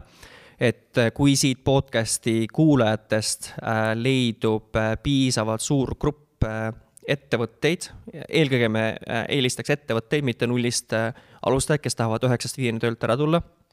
või siis, kes on juba alustanud, aga neil on tooted vähemalt olemas, mida müüa siis kui on piisavalt huvilisi, siis ütleme, kakskümmend inimest saaks kokku gruppi, siis ma oleksin nõus tegema järgmisel aastal beeta programmi, ehk siis programm, kus me näiteks kolme kuu jooksul töötame kogu protsessi otsast lõpuni läbi ja selle koolituse tulemusena sul ei ole siis mitte to-do list, vaid done list, ehk siis näiteks ühel, ühel korral õpime SEO-d ja pealkirja tegema ja järgmisel korral vaatame nelja-viie õpilase näiteid koos ühes kõnes üle optimeerime, paneme need paika, on ju. Ähm, ja siis noh, sinu benefit on see, et sa saad äh, õppida neid samu süsteeme, protsesse, asju, kuidas me oleme teinud. Ähm, ja sa saad väga, väga konkreetse ja loogilise plaani, kuidas äh, Amazoni tooteid lansseerida, üles ehitada ja ärisid. Äh, meie eelis on see, et me saame näha või noh, mina saaksin näha seda, et mis küsimused üldse tekivad, mis näited ära klikivad, et võib-olla ma teeksin koolituse, paneksin ülesse ja ma ei tea, näited ei klikigi ära üldse inimestega, nad saavad hoopis teistmoodi aru, kui mina sellest saan, on ju. Et äh, sellist asja tahaks näha. sellise koolituse tingimus oleks lihtsalt see, et see oleks siis näiteks viiskümmend protsenti lõpphinnast odavamal, on ju, et päris tasuta seda ei teeks, ma arvan, et see tuleks äkki mingi tuhat, tuhat viissada eurot. Äh, ja näiteks paneme üles lehele digitalmerchant.ee kaldkriips koolitus. ja kui sealt tuleb piisavalt huvi äh,, mul on tegelikult plaanis ka seoses sellega, et me lansseerime USA-sse, oma teenust tahame lansseerida. no väga äge. siis äh, äh, ma soovin veel minna mõnda podcast'i inglisekeelsesse äh, rääkima ja ma teeksin sama kooli seal ja kui tuleb grupp kokku, davai, teeme ära. nii et kes tahab, andke siis äh, märku kindlasti ma küsin eh, siia juurde ka, et kui pikka mängu sina Amazonis üldse mängid või kui te, kui pikka mängu teised mängivad, et või ongi see, et noh, ma püüan selle siis toote sinna etteotsa saada ja mingid käibed teha ja siis teen kiire exit'i ja siis ostan oma Porsche ja ongi kõik. või oh,? Ähm, tead, sellega on alati see, et, et äh, tahaks ju alati saada kiiremini äh,, kiiremini, paremini, rohkem raha, kõike, aga Amazon on äh, maraton, seal ei olegi midagi muud öelda, et äh, jah, et kui sa alustad Amazoni, on ju, siis sul läheb aasta-poolteist, kuni sa üldse mingit raha sealt tagasi teenid äh,. nii et sa vaatadki sellist nagu kahe-kolme aasta tulevikuvaatega kõiki tegevusi, mida sa teed, et täna, kui sa teed, noh, me teeme tiimis otsuse, siis see otsus ongi mõeldes kaks või kolm aastat ette näiteks, on ju. sest alla selle ei ole mõtet, et kui sa lähed nagu niisama kiire, kiirete võitude peale välja, siis sul see, varsti see vundament nagu laguneb alt ära, on ju, et, äh, et kuidas üldse nagu nii pikalt sellel ebastabiilsel platvorm, vähemalt mulle tundub, võib-olla see on nagu sihuke algaja vaade sellele, üldse nii pikalt nagu asju ette planeerida saab? Kõik ja, muutub kogu aeg. Nagu. see on väga hea küsimus, aga tead, Timo, üks asi, mis ei muutu, on äri ehitamise printsiibid, mis on ajatud, et see ongi see vahe nagu häkkidel ja äri ehitamisel. et äh, tuleb mõista seda, et tänapäeva Amazoni äri ongi nagu päris äri, et see ei ole nii, et, et ma teen teda natuke, nokitsen seal, mul mingid tooted müüvad, teenin passiivset tulu, käin selle eest reisil, on ju, sellist asja ei, nagu väga raske on teha, aga kui sa suhtud sellest nagu päris ärisse, noh, et see lahendab päriselt kliendi vajadusi ja probleeme.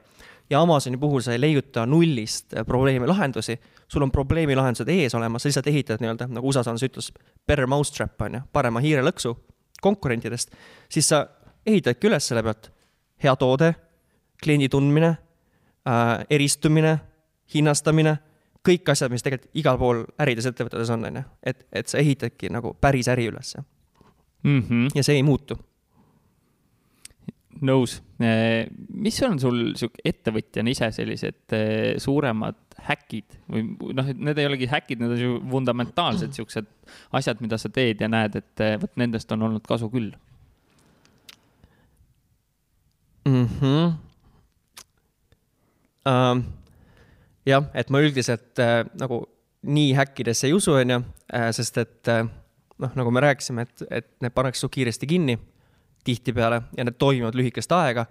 aga üks asi, mis on kogu aeg väga hästi toiminud, on see, kui sa ümbritsed ennast äh, teiste äh, samal maal või endast eespool olevate inimestega, teiste müüjatega. et Eestis on äh, hästi suur eelis Amazoni kommuunis see, et Eestis on hästi kokkuhoidav Amazoni kommuun. Eesti on nagu, Eestis sa tegelikult saad helistada või kirjutada suht igale inimesele, kui sa tead, et ta teeb midagi, on ju, et saad kätte ja enamus viitsivad sinuga suhelda ka, et, et ei ole niimoodi attem-puttu, on ju. ja noh, sa ehitadki enda, sa lood neile inimestele väärtust, on ju, kas see väärtus on siis läbi selle, et teil on nagu lõbus aeg koos, on ju äh,, tema õpib sinult, noh, sina õpid temalt midagi, tema õpib sinult, on ju ja, ja siis tekib sul mingisugune kommuun selline, kellega siis nagu edasi minna, et, et noh, näiteks meil on siin läbi aastate tekkinud nagu äh, Eesti Äh, pikemaaegsete müüjatega sihuke väike sõprusringkond, me teeme neli-viis korda aastas asju, käisime siin kuu aega tagasi ATV-dega metsas sõitmas, nüüd tulevad talvepäevad, äh, siis teeme mingi suvepäevasid, teeme noh, igasuguseid asju. ja siis ongi see, et, et, et kui mingi probleem tuleb, siis ma leiaksin selle vastuse ise ka. aga kui ma viskan selle küsimuse ülesse viieteistkümnele inimesele, siis tavaliselt ma saan mingisugune nelja-viie tunniga juba mingi vastuse kätte, mida keegi on juba läbi teinud. ehk siis see ongi nagu häkk ju, tegelikult mm -hmm. selles mõttes aga kui ma nüüd ikkagi olen see müüja, et noh, ma alles nagu mõtlen, siis ma ei tõenäoliselt sinna viieteist hulka teil ATV-ga kohe sõitma ei saa, kus ma siis alustan või kus see kommuun nagu nii-öelda täna koos käib ja kus minusugune alustav näiteks üldse võiks sealt jala ukse vahele saada? aga alati võib ju äh, visata, näiteks meil on Amazoni grupp on ju, on Amazon Estonia äh, Facebooki grupp, alati noh, seal kusjuures päris palju vastatakse on ju äh, ka küsimustele. aga mis mina olen näinud, ongi see, et, et visatakse üles küsimus, hei ma olen alustaja, ma olen kuus kuud teinud, ma olen sellise koolituse läbi töötanud äh,. tahaks kellegagi koos mastermind'i teha. ja te arenetegi, õpitegi koos, on ju, ja siis äh, üks näide näiteks äh,. üks mastermind on selline, ma tean, et kus käivad nagu, nad ei ole nagu täiesti alustajad, aga nad on kuskil seal nagu äh, ütleme, et nad ei ole veel nii käima saanud oma äri, et teevad sinuga kakskümmend kuni viiskümmend tuhat võib-olla kuukäivet ja nad kutsuvadki kogenud müüjad endale presenteerima mingit teemat. näiteks äh, ma olen seal käinud rääkimas, ma tean paari teist müüjat, kes on seal käinud rääkimas äh,. kutsuvadki, neil on mingi kaheksa kuni kümme inimest. kuule, tule räägi, aita meil aru saada, ma ei tea, PPC-st paremini, palun, on ju. noh. Lähed ja aitad ju, on ju, muidugi mm. -hmm, väga lahe, seda on äh, äge kuulda, et eestlased äh, niimoodi kokku hoiavad, et äh, kunagi Henri käis, Henri Palmar, kolleeg mul käis ka teie grupis, ütles ka, et noh, siis kui see vist kogukond üldse alustas, et ütleski mm -hmm. hullult lahe, noh, jagatakse teadmisi ja, ja kogemusi, et meil on selline rubriik Kuulaja kaks küsimust, Andres Männisalu küsimus. tegelikult me oleme natukene seda katnud, aga ma korra küsin selle üle. milliste parameetrite järgi oleks mõistlik üldse valida toodet, mida siis Amazonis müüa? Ma eeldan sellest küsimusest, et tegemist on alustajaga, siis sellisel juhul, kui sa oled täiesti alustaja, ise oma äritegija, siis ma soovitan sul minna niši, mis ei ole suure konkurents, ei ole suure käibega, sellepärast et suur käive tõmbab ligi suurt konkurentsi. ehk siis, kui sa Jungle Scout ja Helium kümnega vaatad, siis sihigi, sihi oma esimest toodet midagi, mis teeb näiteks viis või seitse tuhat kuus käivet. ära mine viitekümmet või sadat tonni püüdma, sest et seal sa lähed vastu elukutselistega ja see, see on väga raske, et see, see on isegi elukutseliste raske konkurents.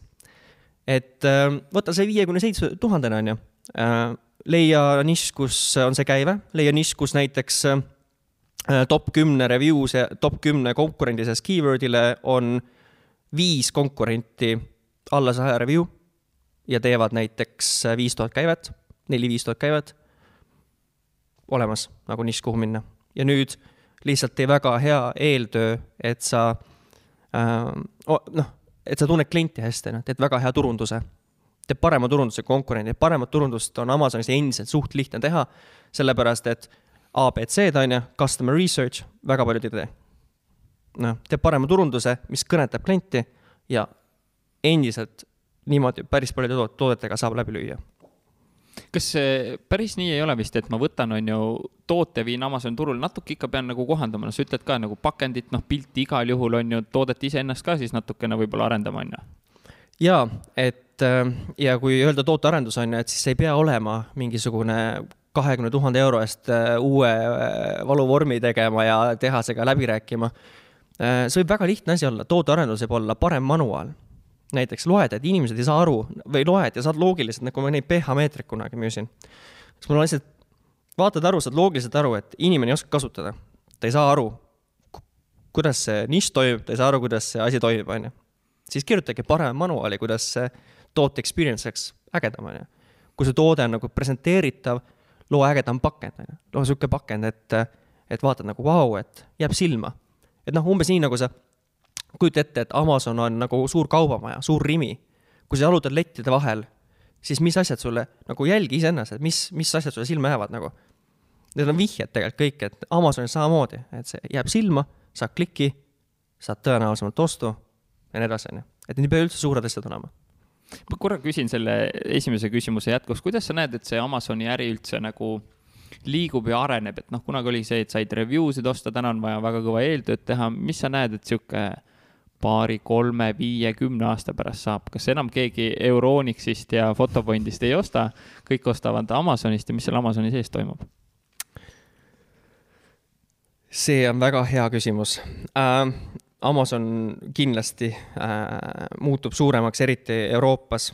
et kui vaadata seda, kuidas Amazon on kasvanud Euroopas, siis äh, ei ole kahtlust ka mitte, et siin, ma arvan, viie või kümne aasta perspektiivis on meil ka Eestis ühe-kahe päeva prime free shipping noh, mis tähendabki seda, et, et kõik need poed peavad kas kohanema sellega ja ka Amazonis väga hästi tööd tegema või siis tõenäoliselt hääbuma, on ju. et ma arvan, et see võim-, see, see turg ja sellest turust tulenev, mahust tulenev võimalus läheb aina, aina suuremaks äh,. nagu hästi müüa ja teha. konkurents ka, on ju, et äh, aga jah, et vaadates, kuidas Amazon kasvab, siis ma ei näe siin küll, et äh,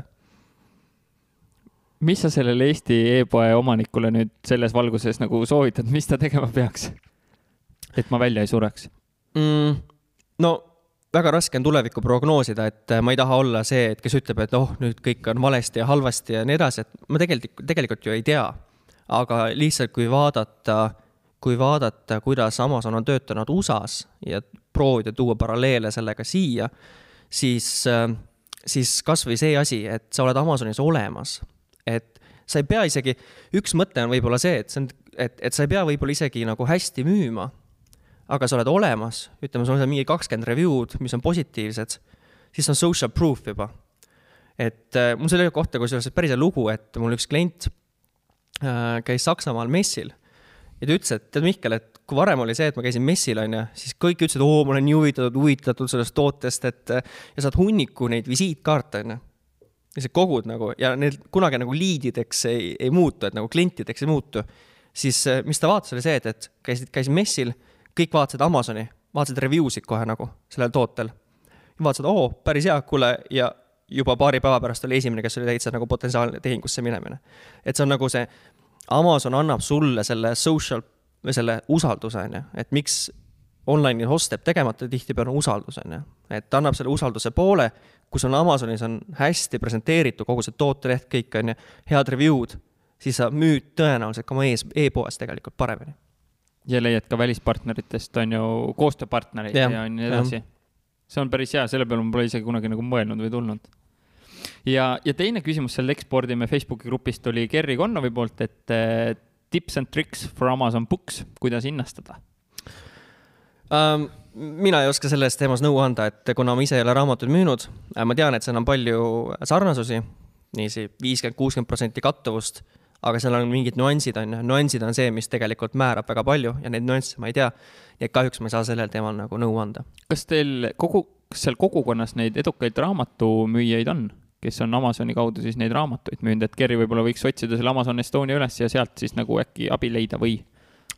Mina postitaks selles grupis jah, et kas on kedagi, kes on müünud, kellel on vähem kogemust, kes on müünud, ma tean, et mina olen, ma olen ise konsulteerinud paari raamatuprojekti minevikus kaks aastat tagasi või poolteist aastat tagasi. ja seda konsulteerides ma sain lihtsalt aru, et, et, et siin on nagu palju lisanüansse, et ma saan neist aru, sest et ma mõistan, kuidas see füüsilise toote äri käib aga seal on nagu kaevamist päris palju veel teha. et äh, mina viskaks küsimuse ülesse sinna Estonia gruppi, küsiks, kes on, suhtleks nende inimestega, looks endale mingi pildi arusaama ja hakkaks sealt pealt ehitama.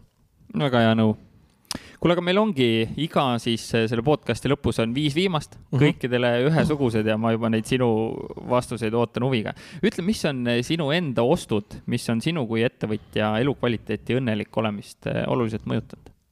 okei okay Ähm, esiteks, äh, ma arvan, kõik ostud või asjad, mis on seotud äh, sõprade või mingisuguste elamuste reisimistega. kusjuures eelmis-, selle aasta algul ma tegin niisuguse nagu tabeli, et ma sain ühest blogist sain idee, et ma panin kirja nagu aasta kaks tuhat üheksateist kohta kõik hetked, kui ma olin õnnelik. nagu kui ma tundsin nagu tõelist, kas vabadust, õnnetunnet, heaolutunnet, nagu sihuke nagu oh, vot see on elu, tunnet ja panin sinna taha nagu kirjeldasin, mis see olukord oli, äh, kellega see koos oli, on ju, kus see oli. Ja see üks muster, mis tuli läbi, oli see, et hästi palju oli sõprade ja teiste inimestega seotud asju, et sellepärast ma ütlen, et see, on ju. Ähm, teine asi on mootorratas, et äh, äh, mäletan, paar aastat tagasi sai ostetud, siis äh, tänase päevani nagu ma, ma olen iga päev nagu äh, noh, praegu ei saa ilmselgelt sõita, on ju, aga kevadel ja suvel, kui saab, siis iga päev, kui ma saan minna tööle mootorrattaga, siis ma lihtsalt hommikul elevil esimese asjana nagu, oh, kui äge. lihtsalt väga meeldib. Palju kilomeetreid hooaja peale koguneb? minul ei kogune palju, kuna ma sõidan enamjaolt äh, Tallinna linna vahel, lihtsalt mugavus ja siis äh, paar korda olen proovinud äh, ka ringrajal kallutamist. aga niiviisi kaks tuhat kuni kolm tuhat, nii et mitte väga palju, sihuke rahulik sõit. et pikki trippe ei ole ette võtnud nagu tsiklitrippe? ei ole jah, et äh, see teema ei ole mind veel kõnetanud, et äh, mul sõber kutsus, äh, mis võib-olla kõnetab, kutsus Alpidesse, et Itaaliasse, et lendad Milanosse. Ja siis Milanos sõidad mootorratastega kuhugi läbi Saksamaa Münchenisse ja siis jätad seal mootorrattad maha, lendad ise Eestisse ja siis rekkaga tuuakse järgi, et et seda ma tahaksin proovida näiteks tuleval, suvel, kui see koroona võimaldab, võimaldab jah, seda teha väga hea, see Exceli tabel on äh, väga hea, ma panen selle ise ka kasutusse, see on väga hea harjutus. Äh, millised otsused või mõttelaadi muudatused on sinu kui ettevõtja siis nii-öelda õnnelik olemist mõjutanud, just nagu mõtetest tulenev? mõtetest tulenev?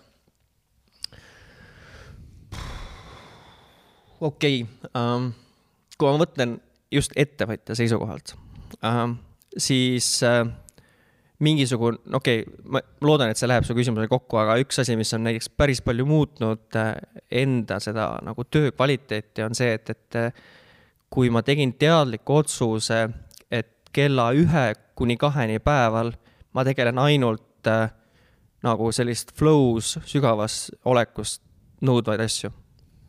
ehk siis kuskil, mis iganes sa alustad, on ju, üheksa paiku, alustada mina tavaliselt tööpäeva siis ma proovin teha kuni kella üheni. mõni, alati ei jaksa, aga mõnikord ka kaheni. Neid suuri asju, mis on vaja ära teha.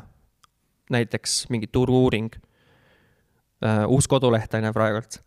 kõik need teemad on ju, mis nõuavad nagu sellist loovust ja mentaalset jõudu taha. siis peale kahte, kahest nelja, viieni võib-olla on igasugused koosolekud, kõned äh,, podcast'is käimised, täna on erand, on ju aga muidu podcast'is käimised ja siuksed asjad.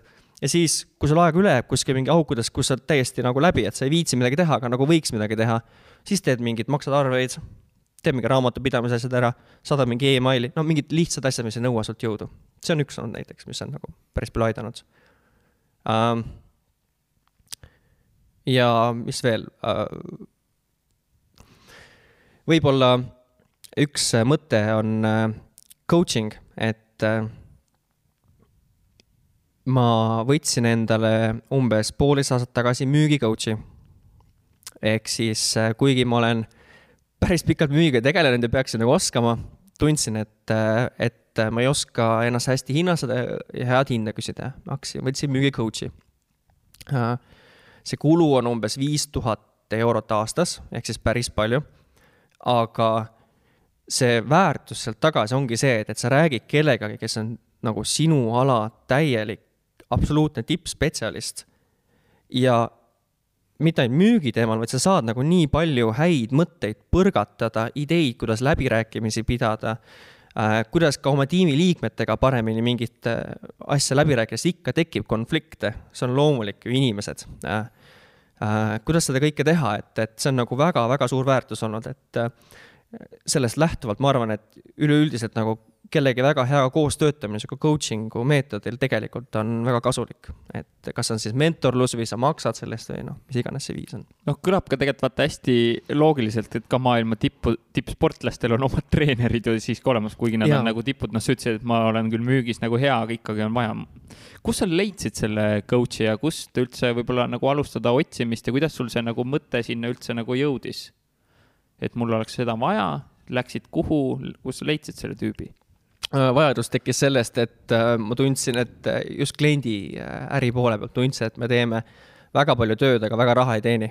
et nagu hullult palju kütame sisse nagu aega, aga lõpuks vaatad nagu, et pff, ei viitsi rabeleda nagu enam, enam sellise raha eest. ja tegelikult see väärtus, mida me tegime, oli nagu kordades kõrgem kui see raha, mida me küsisime, aga lihtsalt hirm oli endal sees, et no ma ei tea, kuidas ma nüüd küsin, et ma ei tea a la stiilis, et kuidas ma nüüd tõstan oma tunni hinda, ma ei tea, kuuekümne euro või seitsmekümne viie või saja või noh, mis iganes euro peale, et kuidas ma, no see on ikka ju nii suur otsus, et tegelikult täiesti enda peas kinni, on ju.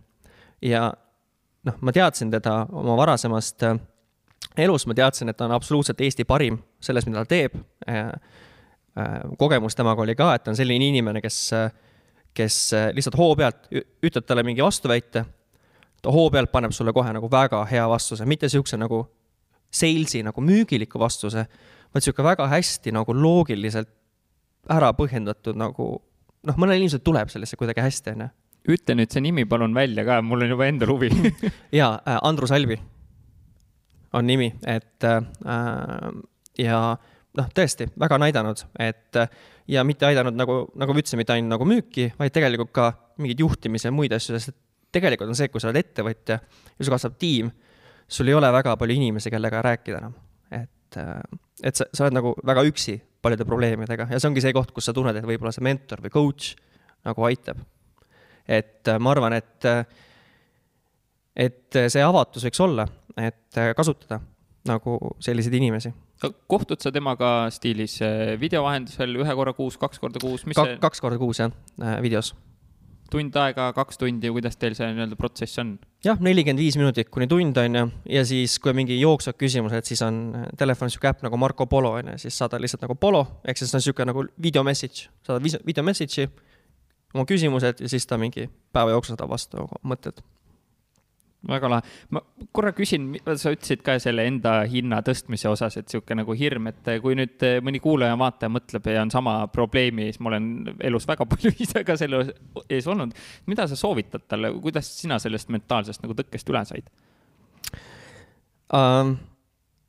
hästi palju on ju kinni selles belief'is, usus ja kus see usk tekib, minu jaoks vähemalt tekkis kogemusest.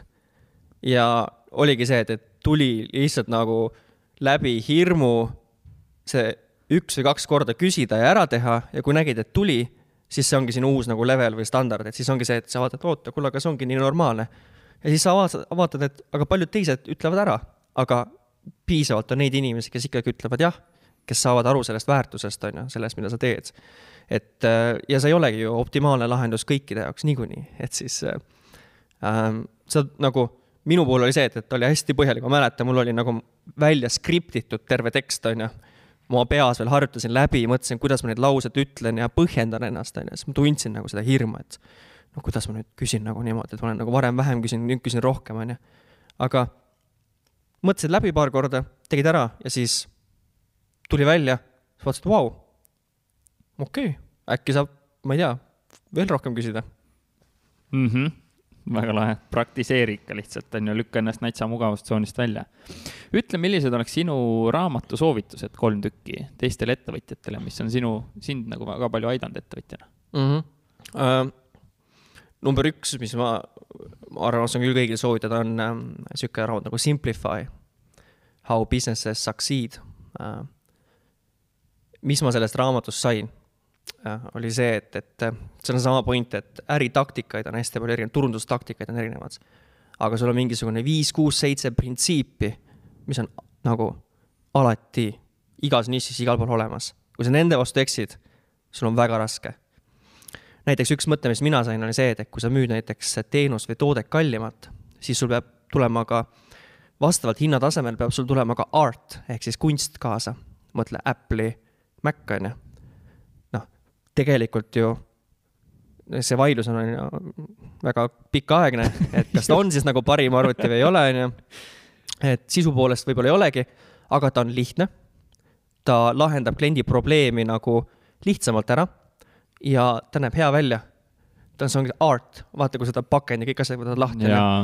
Backing experience, kõik on nagu läbimõeldud, see kunst on ju, ja ongi, et kui sa tõstad oma teenuse hinda ka, siis näiteks peabki su pakkumine parem välja nägema, on ju, su koduleht võiks parem võib-olla välja näha. Äh, kõik see käib kaasas, on ju. ja sul on teine, teine ostu, teine äärmus ka, on ju, mis on odav. ja sa teedki seda nagu, seal, seal ei huvita mitte kedagi, kui hea see välja näeb, peaasi, et oma asja ära teeb, on ju. noh, haamer, kõik. mul ei ole vaja, et ta näeks hullult ilus välja, see haamer, on ju, et et ähm, see õpetab väga hästi seda nagu, seda joont tõmbama ja, ja aru saama, seal on hästi palju näiteid, et see mulle hästi meeldis ähm,. teine raamat on Good to Great Jim Collins uh,. mulle meeldis see raamat sellepärast, et uh, see oli tehtud uh, mitte mina kogesin ja mina arvan, et nii on printsiibil, vaid sellega reaalselt tehti vist mingi viie tuhande või kümne tuhande äri peale tehti analüüs üle kahekümne aasta, on ju. tüübid panid viis aastat terve research tiimiga panid seda datat kokku, filtreerisid läbi ja jõudsid siis nagu selle viie punktini mis on need viis key asja, mis teevad nagu väga hea ettevõtte, mis äh, inimesed, on ju, äh, raskete küsimuste küsimine nagu facing the hard truths, on ju. Äh, ja seda on hea lugeda, sest et sa tead, et okei okay,, et näed, et siin on nagu mingisugune viis näidet, on ju, mis ta toob, aga need viis näidet on destilleeritud nagu nii suure andmekogumiku pealt nagu valiidseks, et see ei ole see randomness on ju siin sees, et oh, mina arvan, et on nii, tegelikult mingisugune, võib-olla oli natuke lucky ka, on ju, mis ei tähenda, et ta ei teinud asju õigesti, aga võib-olla ta ei tea lõpuni välja, miks see ikkagi nii oli, on ju. et sa leiad need viis asja, mis on nagu olulised uh,. mis veel mm,? ma tooksin kolmandana välja, kui uh, Amazoni müüjana uh, igasugused report'id, mitte raamatut, raamatut võiks ka soovitada, aga just uh, turureport'id, mis on hästi huvitavad, näiteks consumer behavior report'id. kust ma neid leian? Äh, Amazoni puhul on näiteks sihuke hea koht nagu feedvisor.com. äh, kes neid aeg-ajalt saadab ja kokku paneb. mis mulle meeldib, on see, et nad teevad näiteks survey sid, et miks meie hakkasime oma äris näiteks hästi palju copy'le rohkem keskenduma, oli see, et umbes kaks või kolm aastat tagasi ma lugesin, oli nagu survey, mis tehti tuhande viiesaja Amazoni kliendi seas ja seal küsiti kõiki neid asju, et okei okay,, mis on sinu jaoks oluline ostu tegemisel? kui palju sa vaatad pilte? kui mitu korda, nagu kas sa tegelikult loed teksti lõpuni ära? kas see tekst on oluline sulle, mitte? ja on, ongi, et, et seal oli, tuli välja, et, et viiskümmend viis või kuus protsenti või niisugust ütles, et, et jaa, ma loen alati teksti lõpuni, Amazoni listingu peal, loen teksti lõpuni, kui ma ostu teen. see on kohe koht, et okei okay,, et nagu sellel hetkel kogu Amazoni nagu filosoofia või see koolkond, ükskõik kellega sa ei rääkinud, oli see, et pildid, pildid, pildid, pildid. tekst, üks lause, sada karakteri, maks on ju, mitte midagi teksti ei pane, on ju, lihtsalt lühike, kiire, aga pildid, pildid, pildid, pildid, me võtsime approach'i, okei okay teeme teksti hästi hea. pildid head, aga tekst ka hästi põhjalik. ja ongi, conversion on kohe nii palju kõrgem, on ju, sest sa tead, et see viiskümmend prossa loeb ka seda teksti. ja kui sinul on see väga hästi tehtud, põhjendatud, maandab hirme, on ju, konkurendid ei ole, siis sa võidad, on ju nii on ja veebilehtede puhul äh, näeme täpselt sama ja ma olen ka see mees, kes neid äh, Amazoni listingu, need äh, bullet'id kõik ikkagi nagu ära loeb enne ostu, jah väga hea. Ütle, millised on tööriistad või äpid, mida sa kasutad ja ilma milleta sa täna elu enam ette ei kujutaks mm.? okei okay. uh,, üks on Video Speed Controller. Siukene, ongi selle nimi vist ongi Video Speed on Controller Google'ist. kasutan ka et uh, nii Youtube'i kui Vimeo kui kõik Facebooki kõik videod saab kiirendada saada oma materjali ühe koma kolme kuni ühe koma viie korse kiirusega ära kuulata. soovitan treenida kahe, kahe poole peale ennast. ossa püha püss. isegi tegelikult inglise keeles, tegelikult on treenimise küsimus ainult, et kaks on täitsa normaalne tegelikult. noh, sõltub muidugi rääkija kiirusest. jah, äh, see tundub sihuke, vau nagu väga respekt, et see tundub sihuke päris suur äh, väljakutse olevat. aga see, see, see vahe on täpselt sama, kui sa läksid ühe pealt ühe koma viiele, siis ühe koma viielt kahele on tegelikult täpselt sama, et kui sa sealt kahe pealt lülitad ühe koma viiele, siis sa vaatad, issand jumal, mida need mehed uimavad, vaata, rääkige kiiremini okay,. noh okei okay no näed äh,, jaa, et siis saaks ju tegelikult veel pool tundi kuskil kokku hoida iga päev või mitte iga päev, aga, aga mõnel päeval. veel veel midagi? No ma arvan, et see on midagi, mida ilmselt kõik kasutavad, on mingisugune a la password'i koguja, on ju, LastPass, et mis paneb sulle automaatselt password'i sisse, et, et ma mingi hetk vaatasin, meil on mingi sada kakskümmend kaheksa password'i, et püha müristus, kui kõiki neid peaks meelde tuletama või sul on üks password ja kuskil läheb tuksi, on ju, et äh, see on niisugune hästi lihtne A ja O. ja siis äh, kolmas on ilmselt Amazoni need extension'id, et äh, kas siis Jungle Scout või Helium kümme. et noh, tahes-tahtmata kasutad seda nädalas ikka kord ja kord ja kordi, kogu aeg vaatad nagu turgu, kogu aeg analüüsid, kogu aeg hoiad pulssi peal nagu, et.